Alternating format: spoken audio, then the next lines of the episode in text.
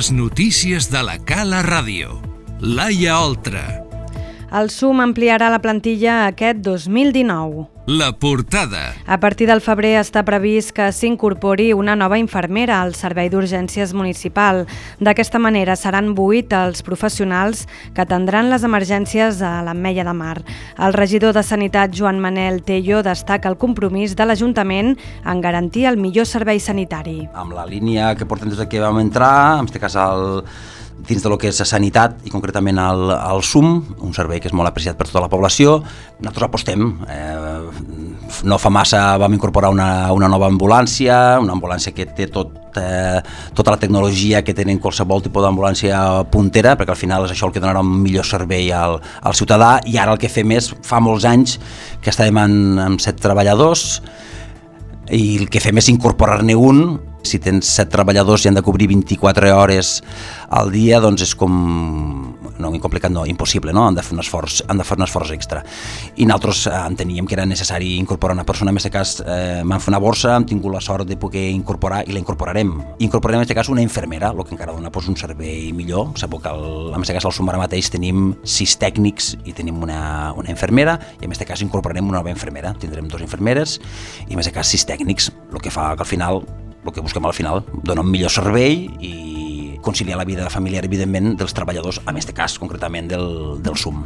I és que el SUM ha augmentat aquest passat 2018 el seu nombre d'atencions en 870, la gran majoria 640 per serveis urgents, unes atencions que s'han produït en cada 9 de 10 casos durant el dia. Tot i que l'ambulància municipal està disponible les 24 hores del dia i els 365 dies de l'any al telèfon 977 45 70 00. Daniel Rodríguez. Totes aquestes activacions s'han realitzat majoritàriament des de particulars en 353 casos, una dada que demostra la confiança que diposita la població en aquest servei que el passat any va estrenar una ambulància d'última generació. El coordinador del SUM, Álvaro Gazani, ha volgut agrair aquesta confiança. Des d'aquí donar-li les gràcies a tota la població per la confiança que té amb, amb el servei i sí, sí, les activacions bàsicament pertanyen al, a la població, eh, confia en el, en el servei i, i des d'aquí traslladar de, per part meva i per part de tot el grup i, i tots els, els components del, del SUM les gràcies i les i per, per confiar en el servei. 353 activacions per part de la població, directes, i a partir d'aquí ja passem a les 176 de l'Ajuntament, requereixen, la gran majoria són eh, els actes que realitza l'Ajuntament a la població, les cobertures sanitàries, preventius, i en tercer lloc ja és el centre d'assistència primària el que ens requereix per a, per a realitzar les, les requeriments que, que, que són oportuns en cada, en cada cas. Segons les estadístiques del Servei d'Urgències Municipal del 2018, la patologia que més destaca en nombre d'intervencions és la de traumatologia, seguida per les respiratòries i les vagals. La major part de les persones ateses, un 60%, corresponen al segment de la tercera edat, tot i que s'han incrementat les atencions a la població més jove, entre els 0 i els 30 anys. Et fas una casa i no saps a qui confiar la instal·lació elèctrica? Pardacala. El teu aparell d'aire condicionat o calefacció no funciona? Vols deixar de passar calor a l'estiu i fred a l'hivern? Pardacala. Has de passar la revisió dels teus aparells contra incendis o dels equips de pressió? Pardacala. Instal·lacions Pardacala. Tot en electricitat, fontaneria, calefacció, aire condicionat, gas i energies renovables. I ara, projectes elèctrics i legalitzacions. Estem al teu servei al carrer Lluís Company 5 de l'Ametlla de Mar. El nostre telèfon és el 977 45 76 92. Instal·lacions Parc de Cala. Garantia de professionalitat. Més temes. Seguim parlant de salut. La nova directora de l'Hospital Verge de la Cinta de Tortosa, Maria José Rayo, s'ha posat a treballar amb l'Institut Català de la Salut per resoldre la falta de metges especialistes, sobretot en especialitzats com urologia, dermatologia o torrinolaringologia. Sobre la taula hi ha diverses propostes. Una d'elles eh, és, d'una banda, que l'Institut Català de la Salut podria combinar les jornades dels especialistes en diferents hospitals i fomentar l'intercanvi de metges amb d'altres altres centres hospitalaris de referència.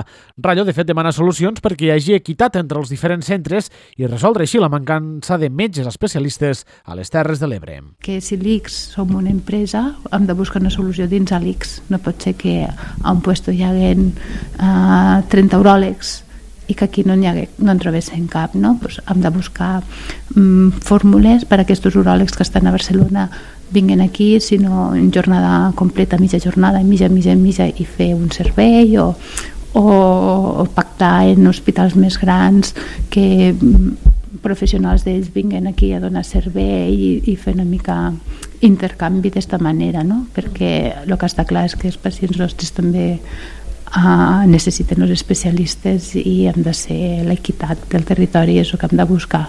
Per altra banda, la nova directora proposa oferir directament compensacions per escollir les Terres de l'Ebre, seguint l'exemple de l'incentiu d'insularitat que es paga als metges que treballen a les Illes Canàries. També creu que amb un bon projecte l'Hospital Tortosí també s'atrauria talent jove pues a zones així, igual que per exemple Canàries té un incentiu d'insularitat, pues que aquí també se valori que hi ha algun tipus d'incentiu, algun tipus de cosa, no? de compensació d'alguna manera, no? de que tu vingues aquí i, i que no sigui un càstig per ningú, sinó que, que realment hi hagi un projecte i, i és complicat, però jo crec que hem d'anar per aquí i hem de sortir, D'alguna manera o altra també és la, tant la consellera com la gerència i la direcció de l'ICS ha estat molt per això, eh? vull dir, és un projecte també de, de l'ICS. A part, una de les noves línies de treball que està començant a impulsar la nova direcció de l'Hospital Verge de la Cinta de Tortosa és l'adequació de les plantilles d'infermeria, perquè s'adecuin a la complexitat assistencial dels pacients i no es fixin només per nombre de serveis, i es reclamarà també la figura de l'infermera referent en cada àrea. Canviem d'assumpte. El projecte de pressupostos generals de l'Estat presentat pel govern espanyol del PSOE preveu 200.000 euros per les noves rotondes de l'N340 i dels accessos a la via. Una de les rotondes pressupostades s'ha de començar a construir en els pròxims dies a Sant Jordi d'Alfama, però també contemplen les dues rotondes d'accés des de la TV 3025. En relació a les actuacions mediambientals, el Ministeri per la Transició Ecològica contempla inversions en protegir i recuperar sistemes litorals, actuacions per controlar la regressió del litoral i dotacions per a l'ús públic de la costa a tota la demarcació de Tarragona per uns 600.000 euros. Eh, paral·lelament, Enresa també té pressupostats 118.000 euros per als treballs d'enguany en la clausura de la central nuclear Vandelloso. Per la seva banda, el capítol ferroviari queda enguany força reduït després d'haver concentrat el gruix de les inversions estatals en, durant els últims anys. Així, Adif té previst invertir prop de 10 milions d'euros en la posada en marxa de la nova variant en Vandellós-Tarragona, a més d'uns 14 milions d'euros en la línia de Vandellós-València. L'actuació que s'emporta la xifra de recursos més important, més de 31 milions d'euros, és novament la finalització del procés de descontaminació química de l'embassament de Flix, uns diners que hauran de servir per reprendre i completar les operacions pendents en aquest pantà de la conca del riu Ebre que encara té llots tòxics. Les notícies de la Cala Ràdio. I acabem amb dades sobre ensenyament perquè la taxa d'abandonament a primer curs el 2020 2017-2018 a la Universitat Rovira i Virgili va ser del 17,43%. Deixar els estudis a primer curs és una tendència que va a l'alça a la URB, que ara n'estudia els motius i les mesures que es poden implementar per evitar-ho i retornar almenys al 15% de fa tres cursos. Segons les dades presentades este dimarts, un 23% dels alumnes que abandonen els estudis ho fan perquè no se senten motivats pel grau.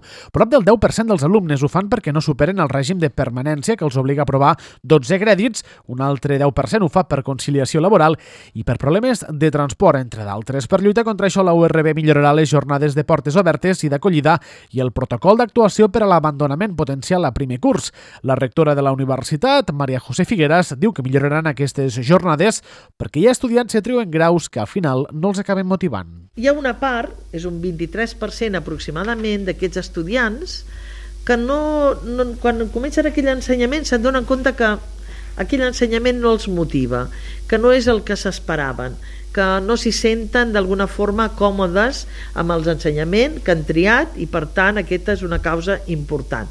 Vol dir que nosaltres hem d'aprendre la lliçó sobre això. I quina lliçó és aquesta? Vol dir que quan nosaltres fem les jornades de portes obertes hem d'informar molt clarament de què és cada ensenyament perquè els estudiants no s'equivoquin a l'hora de triar, no? que no diguin jo vull fer tal cosa però que realment que els continguts d'allò estiguin ben valorats per part de l'estudiant i s'hi pugui sentir còmode i que ha fet una elecció correcta. L'actualitat segueix a la cala rtb.cat.